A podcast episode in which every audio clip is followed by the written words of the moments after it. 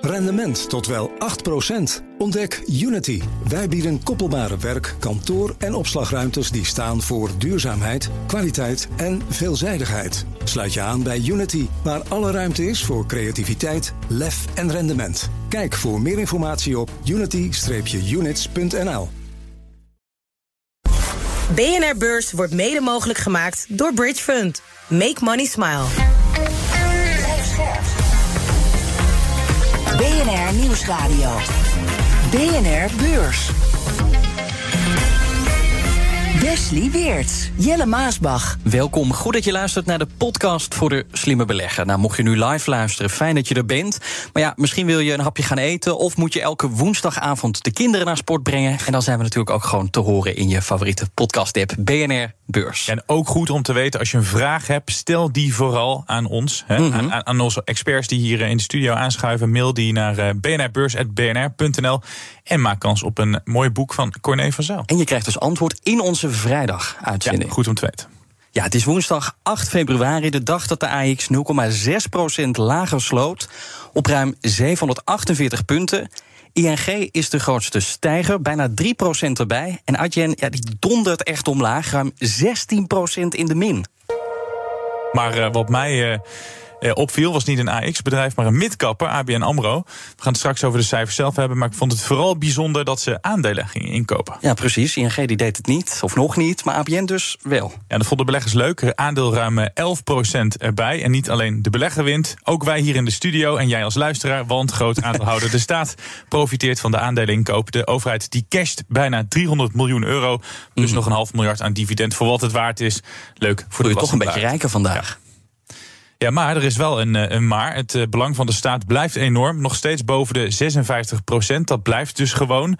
De vraag is, pakken ze nu door of toch niet? En die vraag die eh, leggen we voor aan onze gast Stan Westerterp van Bond Capital Partners. Goed dat jij er bent. Dankjewel. Ja, is de cash maar toch. Denk jij dat ze uiteindelijk gaan doorpakken? Want sinds 2017 is dat belang niet afgebouwd van de staat naar ABN AMRO. Gaan ze dat nou eens een keer doen? Of- Nou, het- ligt politiek natuurlijk ook gevoelig. eh, want we hebben er heel veel geld in gestoken. En ik zie de krantenkop alweer als we het voor te weinig verkopen. Eh, dus wat dat betreft is het fijn dat de koers vandaag wat omhoog gaat. Maar vroeg of laat, hè, dat, dat is geen, eh, geen geheim. eh, wil de staat hier natuurlijk een keer vanaf. Maar zomaar even een belang van 56% verkopen, dat doe je niet op de beurs. Als je dat op de beurs wilt doen, dan moet je dat in plukjes doen. Wat ze tot nu toe hebben gedaan. In eerste instantie natuurlijk met de beursgang en daarna nog een paar plukjes. Maar wat je net al zei, het is al meer dan vijf jaar geleden dat ze voor het laatst een transactie hebben gedaan. Ik vermoed, ehm, ook als je kijkt naar eh, zeg maar het profiel van ABN AMRO... dat het interessanter zou zijn om, eh, om op een overname, eh, of, of als een overname target zeg maar, aan te bieden. Als ze dat aandurven, de staat. Want Ja. dat is de vorige keer ook niet helemaal Nee, lekker. dat is een goede. En prijs is daarin heel erg belangrijk. Maar ook wie koopt het uiteindelijk natuurlijk.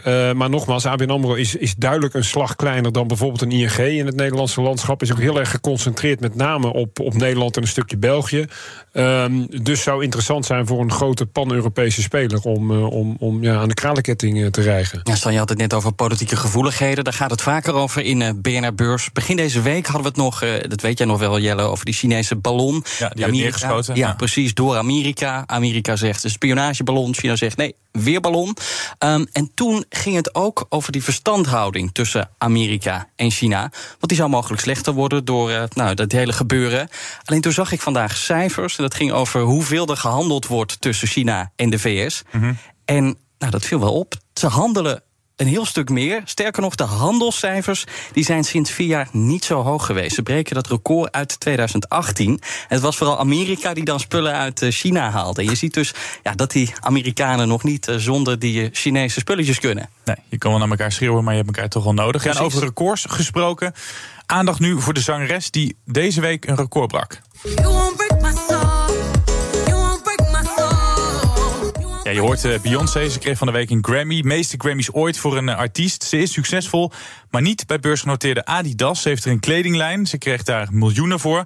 MarketWatch heeft de cijfers in handen. Ze hadden gerekend op een jaaromzet van 250 miljoen dollar. Stan, moet jij eens raden wat zij in het laadje heeft. 50 miljoen.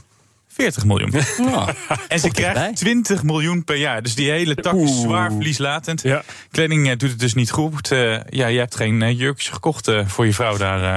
nee, wij hebben even overgeslagen. ik vraag me überhaupt af of ze jurkjes hebben. Is Adidas, dus zou dan een sportpak, Sportpak, zijn, ja, denk ja, ik. Ja. Vandaag eh, kwam er eh, een bedrijf En dat deed het even helemaal anders. Het ging de hele tijd hier over die techbedrijven... die er allemaal mensen uitgooien. Duizenden en duizenden mensen die ontslagen zijn. Maar Adyen, Ja. die blijft eh, mensen aannemen. Bleek uit de kwartaalcijfers, wisten we ook. Hiervoor deden ze dat ook al. Ja. Het bedrijf wil groeien, snel ook. Maar tegelijkertijd wordt het genadeloos afgestraft op de beurs. De toespraak van Jerome Powell. De een vond het een enorme meevallen, de ander die schrok er alsnog van. Wat moet jij er nu als belegger van maken? Je hoort het zo van Stan. Is dan enorm afgestraft op de beurs dus. Aandeel ging 16% onderuit. Die jacht op talent gaat dus ten koste van de winst. Die kosten die stegen in de tweede helft van 2022 met bijna 80%. Ook de omzet en de winst die stegen wel, maar die winst maar met een magere 4%. Ja. Ehm, Stan, waarom vinden beleggers het zo erg, die gestegen kosten? Nou, waar ze met name op hebben gemist. hè, De omzet, eh, de groei daarvan was conform verwachting. De take rate was conform verwachting. Maar met name de EBITDA, die viel echt fors tegen. hè. Normaal eh, mikte Adyen op een EBITDA van zo'n 60 procent. De eerste helft vorig jaar was het eh, 59 procent. Ja. Ehm, en ze willen naar 65 procent toegroeien. Maar nu kwam die uit op 52 procent. Echt fors onder de verwachtingen ook van, eh, van de analisten. En dat heeft met name te maken, wat jij net al zei... ze hebben heel veel eh, nieuw personeel aangenomen... want ze willen eh, verder groeien. En, maar dat betekent wel dat daar veel kosten natuurlijk bij komen kijken... en dat dus de winstgevendheid eh, ja, echt, echt de wensen overlaat. En daar reageren beleggers met name op. Ook omdat je zal zien eh, dat 2023 eh, ook die kosten nog wel even door zullen lopen... want ze gaan nog door met het aannemen van nieuw personeel. Tuurlijk, maar ja, als, de- je zou kunnen zeggen dat hoort erbij. Als je snel wil groeien, is er veel meer betalingen. Daar zijn gewoon mensen voor nodig. Absoluut. En het is ook binnen het hele spectrum van wat we zien de afgelopen weken, of, of maanden eigenlijk, van het ontslaan van personeel in de IT-sector. Ja. Is Adyen juist een, een uitzondering daarin. Eh, want die voorzien nog genoeg groei. En wat dat betreft is het wel een apart bedrijf. Want eh, die beursgang is ook ooit natuurlijk een soort van verplichting geweest. om lang zittende aandeelhouders een soort van exit te geven. Maar Adyen gedraagt zich in die zin ook nog steeds als een beetje als een familiebedrijf. Ze hebben helemaal niet zoveel met dat rapporteren van die cijfers. Ze doen het ook maar twee keer per, per jaar. In plaats van veel bedrijven ook met kwartaalcijfers komen. Hè, dus een beetje verplichting. Ehm, en in die zin eh, ja, wordt het ook bestuurd strategisch als... joh, we zijn met een lange termijn plan bezig. En dat er vandaag 16% van de koers afgaat... zullen ze ongetwijfeld voor de aandeelhouders heel erg eh, vervelend vinden. Maar ik denk dat het management daar echt niet wakker van ligt. Nee, maar je zou dat ook als een lange termijn belegging kunnen zien. Dus snap je, snap je die onvrede die er is bij beleggers? Hoe bedoel je? Ja, Nou ja, die, die korte termijn... ja, nou, op die korte termijn, die beurskoers die klapt onderuit. Nee, je kunt niet zeggen je- dat beleggers tevreden zijn. Nee, maar je presteert onder verwachting. Dan weet je van tevoren al dat er eh, rode cijfers natuurlijk op de borden gaan komen. Mhm, Maar die beleggers weten ook dat ze in een bedrijf zitten dat vooral naar die lange termijn kijkt. Ja. En waarbij dus dit, dit was al onderdeel ook bij de vorige bekendmaking van de cijfers. Ja. Die kosten liepen op en ze wisten dat er flink naar personeel gezocht werd. Nou, in die zin is dan wel eh, eh, misschien de communicatie vanuit Adyen met de markt eh, wat ondermaats. eh, eh, om redenen die ik net zei. Ehm, want analisten hadden anders al echt wel die consensus wat naar beneden gebracht. Eh, en dus zie je dus dat ze nu een enorme misser hebben. En daarop wordt meteen afgestraft. En je zal waarschijnlijk zien dat er nog wel wat druk blijft staan de komende dagen. Want ook al die analistenverwachtingen moeten worden aangepast neerwaarts. En ook daar weer de adviezen natuurlijk op. Maar dat ze zoveel geld uitgeven aan personeel, is dat een goed ding? Ik vind dat een goed teken. Want dat doe je alleen als je verwacht dat je nog verder gaat groeien. En ze, eh, eh, de, de omzetgroeidoelstellingen voor de lange termijn zijn niet veranderd. Dat is nog steeds een compound annual growth rate van 25 tot 33 procent. Per jaar gemiddeld voor de komende eh, jaren. Ja, dat is, dat, daar, daar likken baarden vele bedrijven van. Net als de, de marges die eh Adyen behaalt. En goede arbeidsvoorwaarden. Ik hoop dat de hoofdredacteur van BNR Nieuwsradio op dit moment aan het meeluisteren is. Want ik ken een jongen die werkt bij Adyen. Daar heb je dus een kok. Die maakt en de lunch en het avondeten. En als je daar niet eet, zeggen ze... we maken echt een goed gerecht voor je, mag je mee naar huis nemen. Met de huidige inflatie, dan bespaar je dus enorm veel op je... wil ik toch even meegeven, op je Mhm. eten. Ja, zeker. Dus je wordt daar echt in de watten gelegd. Een ander punt, wat jij zegt net, Stan. eh, ik zie dit als positief, dat ze heel veel mensen aannemen. Tegelijkertijd zou je misschien ook kunnen zeggen... dat doen ze niet voor niks. Ze voelen misschien de hete adem van concurrenten... en daardoor willen ze die stap voor blijven. Nou, kijk, wat je ziet is dat eh, Adyen... het is een beetje een oligopolie in die, in die payment sector. Hè. Wat zij doen, samen met een paar concurrenten... Stripe onder andere. eh, zij zitten echt ehm, eh, in de betalingen bij de multinationals, zeg Ja. maar. En ook het feit dat je ziet dat de take rate lager is... Daar, daar zijn sommige analisten of sommige mensen vallen daar ook nog wel eens over. Hè. Dus wat zij pakken, zeg maar, van het totaal aantal eh, betalingen... het totale payment volume, Ja. die gaat omlaag. Maar als je het bedrijf kent, dan is dat eigenlijk heel logisch. Want eh, ze hebben zeg maar een soort gestaffelde fee. Dus hoe meer volume bestaande klanten gaan doen... hoe lager hun fee relatief wordt. Ja. Met andere woorden, het dalen van de take rate is goed nieuws. Want dat betekent dat er gewoon meer volume Ja, naar, naar het bedrijf toe komt. En dat de lock-in effecten van bestaande klanten... steeds groter en groter en groter worden. En als je gewoon weet dat digital payments, ja, we zijn er in, natuurlijk in, in Nederland al heel erg aan gewend. Nog maar één op de vijf betalingen is tegenwoordig cash. De rest gaat digitaal. Maar, maar in de rest van de wereld anders. Precies, dus, dus er is nog een hele wereld te veroveren. Dus, en, en, als je met die bril op hiernaar kijkt en je ziet van ze zijn aan het investeren, daar hebben ze extra personeel voor nodig. Die markt is nog groeiende. Zij groeien zelfs ook nog in die markt. Uh, en die omzet die erbij. Dan is er geen twijfel over mogelijk dat vroeg of laat die uh, EBITDA-marge ook weer begint op te lopen. Uh, als ze ja, al het personeel wat ze nodig hebben, bij wijze van spreken, hebben aangenomen. En ondertussen de omzetgroei gewoon doorgaat. Maar ik moet er wel bij zeggen, Atjen is wel hoog gewaardeerd, ook op die groei. Dus als dan een keer een cijfer echt tegenvalt, dan zie je ook meteen de min van 16% op de borden staan. Waar zit de voornaamste groei, tot slot?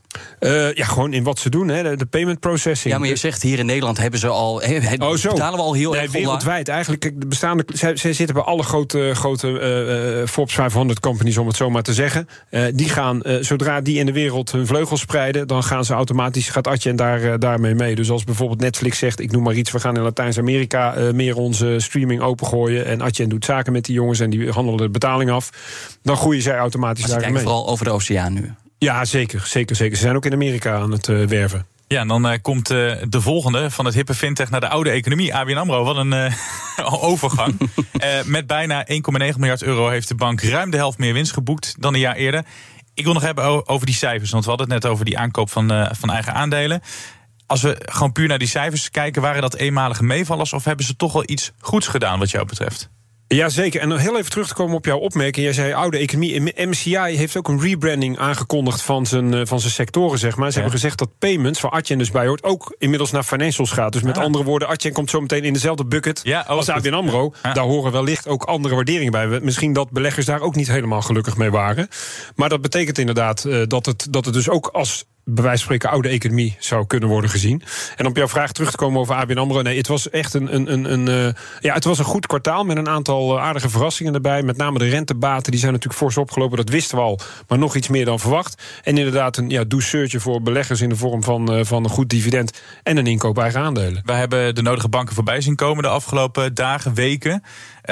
Hoe doen de Europese banken het tot nu toe? Uh, een beetje gemengd. Als we het, uh, eh, ABN AMRO uh, sprong er echt wel positief uit. Ook op de, op de balans, uh, kapitaalspositie. Hè, de, de CET1-ratio is best wel hoog voor de bank. Met andere woorden, ze zijn voor een bank dan degelijk gefinancierd. Er zit niet zoveel risico in. Je ziet eigenlijk bij alle banken een beetje hetzelfde beeld. Dat ze, ehm, de rentebaten zijn natuurlijk fors opgelopen afgelopen jaren. afgelopen jaar. dat zag je ook bij, bij ING. Ehm, maar het is een beetje afhankelijk van hoe het leningenboek eruit ziet. Kijk, ABN AMRO heeft heel veel hypotheken bijvoorbeeld. Is wat minder risicovol. En je geeft meer bedrijfsleningen ook in de boeken. Als je verwacht dat er een recessie komt in Europa... Uh, ja, dan gaan daar als eerste de voorzieningen natuurlijk getroffen moeten worden. Dus dat is wat risicovoller. Uh, en daarnaast, als je dan uh, ziet van... oké, de ene beloont de aandeelhouder wel, de andere niet... ja, dan krijg je ook daar tegengestelde beweging. Want ING ging lager vorige keer. BNR Beurs. Op Wall Street gaat het uh, wat minder. De Dow Jones staat uh, vier tiende van een procent uh, in de min. De Nasdaq verliest 1,3 procent en de S&P 500 0,8 procent. Ja, gisteren schoten de koersen omhoog door de woorden van Powell. Op het moment dat jij het aan het voorlezen was, Wes, ja. gingen ze omhoog. Stond toen vlak en opeens schoten ze inderdaad de lucht in. Daar ga je het zo meteen over hebben. Mm maar eerst even naar de strijd tussen Microsoft en Alphabet... om de toekomst van het web... Alphabet verliest in één klap 100 miljard dollar aan beurswaarde kwijt. En dat allemaal door een persconferentie over die nieuwe slimme chatbot van het bedrijf. Ik kan dat ChatGPT niet meer aanhoren, maar moeten we het toch over hebben. Is dat verlies in verhouding tot deze hype, uh, Stan? 100 miljard? Nee, uh, nee. Nee, dat, ik denk dat dit een, een, een opportunistisch uh, beeld is. Maar het is wel een, in die zin dus een hele slechte persconferentie van Google. ja, uh, want dat zijn we ook niet zo gewend. het lijkt wel inderdaad ja, het is al eerder gevallen, paniekvoetbal. Van joh, we moeten even snel ook reageren op die open AI. Want wij hebben ook iets waar we mee bezig zijn. En nu gaat Microsoft er zeg maar vandoor met, ja, met de prijs. Ja, maar wij hebben ook AI, dus wij moeten ook even snel naar buiten komen. En ja, nu is de, de fight is on, zeg maar. Ja. Wie heeft de beste technologie? En vergis je niet, wie is het meest gebruiksvriendelijk? Want dat is uiteindelijk vaak waar het om gaat bij dit soort uh, zaken. Maar waar zijn beleggers zo ontevreden over? Nou, waar we met name bang voor zijn, is, kijk, search is enorm winstgevend. En uh, Google domineert dat landschap al meer dan 15 jaar. Het heeft meer dan 90% van de markt in handen wereldwijd. Uh, en alle advertentieinkomsten uiteraard die daarbij horen. Ja. En Microsoft bijvoorbeeld heeft maar een ja, low-digit percentage daarvan. 2 of 3 procent of zo in de wereld. Nee, Doet er niet toe. Maar dat betekent wel dat de, de opportunity voor Microsoft gigantisch is. En het, de, de dreiging voor Google ook gigantisch ja. is aan de andere kant. Vandaar dat beleggers hierop op reageren als, als door een wesp gestoken. Um, want ja, stel je voor, al, al stappen er maar een paar miljoen per dag over van search engine Google richting Microsoft, uh, dan gaat het al meteen om enorme getallen. Ja, want Alphabet staat op dit moment 7,6 procent uh, lager. Hè, om je beeld te geven, dat is dus die meer dan 100 miljard dollar aan, aan beurswaarde die kwijt is. Ja, Microsoft een klein plusje. En wat ik wel grappig vind, is. Dit, dit is echt een strijd tussen die twee giganten. En we zagen dat jaren geleden, toen waren de rollen omgedraaid ja. op die mobiele markt. Want toen probeerde Microsoft voet aan de grond te krijgen. En toen was Google al heer en meester. En toen heeft Google er alles aan gedaan om Microsoft het moeilijk te maken. Diensten niet beschikbaar gesteld ja. voor het Windows-platform. Ja, en nu kan Microsoft zomaar eens, kunnen de rollen zomaar eens omgedraaid nou, zijn. In die zin staat Google wel een, een aantal doelpunten voor ten opzichte van Microsoft. Uh, inderdaad, de, de, de, de software voor de mobiele telefoon. Overigens heeft Google dat ook zelf heel veel geld in geïnvesteerd. Omdat zij zagen dat hun search, hè, dat gaat, die ging naar mobiel toe. En dat dat uh, ja, potentieel in de problemen zou komen als ze zelf geen software zouden ontwikkelen. Ja. Dus in eerste instantie heel veel in geïnvesteerd. Um, en Microsoft heeft, dat, heeft het daar duidelijk laten liggen. Maar ook aan, aan de searchkant zelf. Hè. Microsoft heeft natuurlijk Bing. Ja, dat gebruikt nee. volgens mij. Ik heb er net toevallig nog even op gekeken.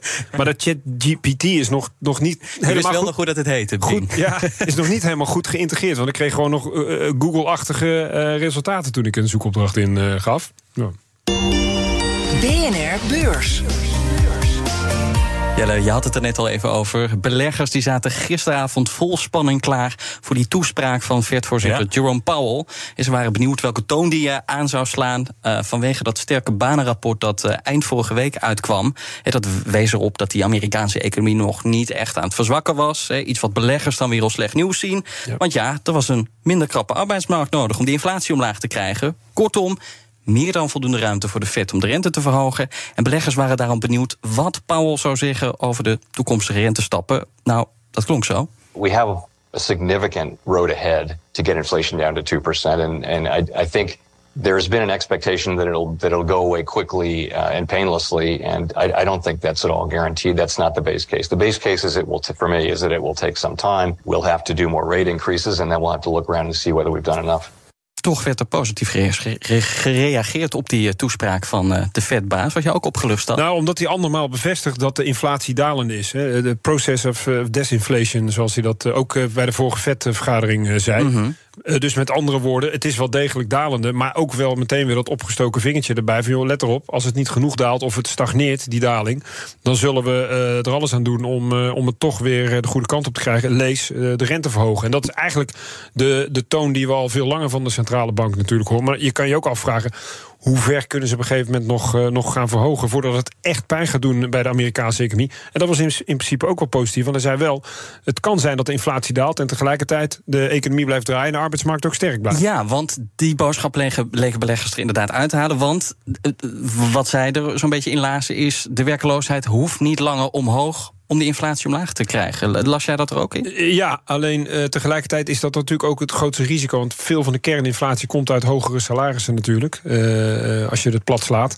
En um, een hele sterke arbeidsmarkt zorgt per definitie natuurlijk voor, voor hogere salarissen. En de werkloosheid kwam uit op 3,9 procent uit mijn hoofd. Het laagste niveau sinds uh, de jaren 60 ja. van vorige eeuw. Lang geleden, ja. Ja, dus het is wel echt heel uniek. Het, het, het, het draait goed in Amerika op dit moment. Hij zat daar heel relaxed op het podium. Ik zat naar die persconferentie te kijken. Als je dan zit te kijken, zit je dan met je notitieblokje zo al die, die woorden mee te turven? Nee, of ik, gaat het nog niet zo... Uh... Nee, wat ik leuker vind om te doen is om real-time de koersen er inderdaad bij te zetten. Ja, en, dan, en, dan, en dan zien van voetbal poef alles groen of poef alles rood. Op basis echt, de woorden worden op een goudschaaltje gewoon. Vaak zijn de algoritmes nog sneller dan de, dan de handelaren zelf. Dus he, die halen bepaalde woorden eruit en daar begint meteen uh, ja, de beurs op, op te reageren. Dat is erg grappig om te zien. Kon je het wel eruit halen hoe de komende tijd eruit uh, gaat zien? Nee, want zoals Jerome Powell zelf ook al zei, het is afhankelijk van de data die binnen gaat komen. Dus als de inflatie inderdaad, de daling daarvan stagneert, dan zullen we verder verhogen als het goed gaat. Hè, of, of de arbeidsmarkt blijft sterk en we zien dat, dat toch de inflatie blijft aanjagen, dan zullen we er niet aan twijfelen om de, de, de rente verder te verhogen. Maar als inderdaad uh, het proces wat nu is ingezet van desinflatie, als dat doorzet, ja, dan kan het zomaar zijn dat we nog één of twee keer verhogen en dat het dan uh, gedaan is voor dit jaar. En dan kijken we meer naar wat uh, Paul gaat doen dan naar wat Lagarde nog gaat melden. Het ligt eraan of je, of je naar, naar, de Amerikaanse markt kijkt of dat je naar de Europese markt kijkt. Maar ja, ook Lagarde zal nog, nog een aantal stappen gaan maken. Ja, en dan kijken we wat er morgen op de agenda staat. Heel wat kwartaalcijfers waar beleggers op kunnen reageren. Zo komen onder meer Egon, Flow Traders, Unibail Rodamco Westfield en de beurs zelf, Euronext, met cijfers. Die van Egon die zijn hoe dan ook historisch. Het is namelijk de laatste keer dat het bedrijf in deze vorm de jaarcijfers zal presenteren. De verzekeraar verkocht de hele Nederlandse divisie aan concurrent ASR en in één keer wordt afscheid genomen van de thuismarkt. Spannend is vooral wat Egon nu gaat doen. Verkoopt het nog meer onderdelen, waardoor alleen het Amerikaanse onderdeel overblijft? En wordt dat deel dan een Amerikaans beursbedrijf? Of gaat Egon juist met alle verkregen miljarden op overnamepad? De aandeelhouders hebben hoe dan ook zin in de verkoop aan ASR. Onlangs stemde 99,95%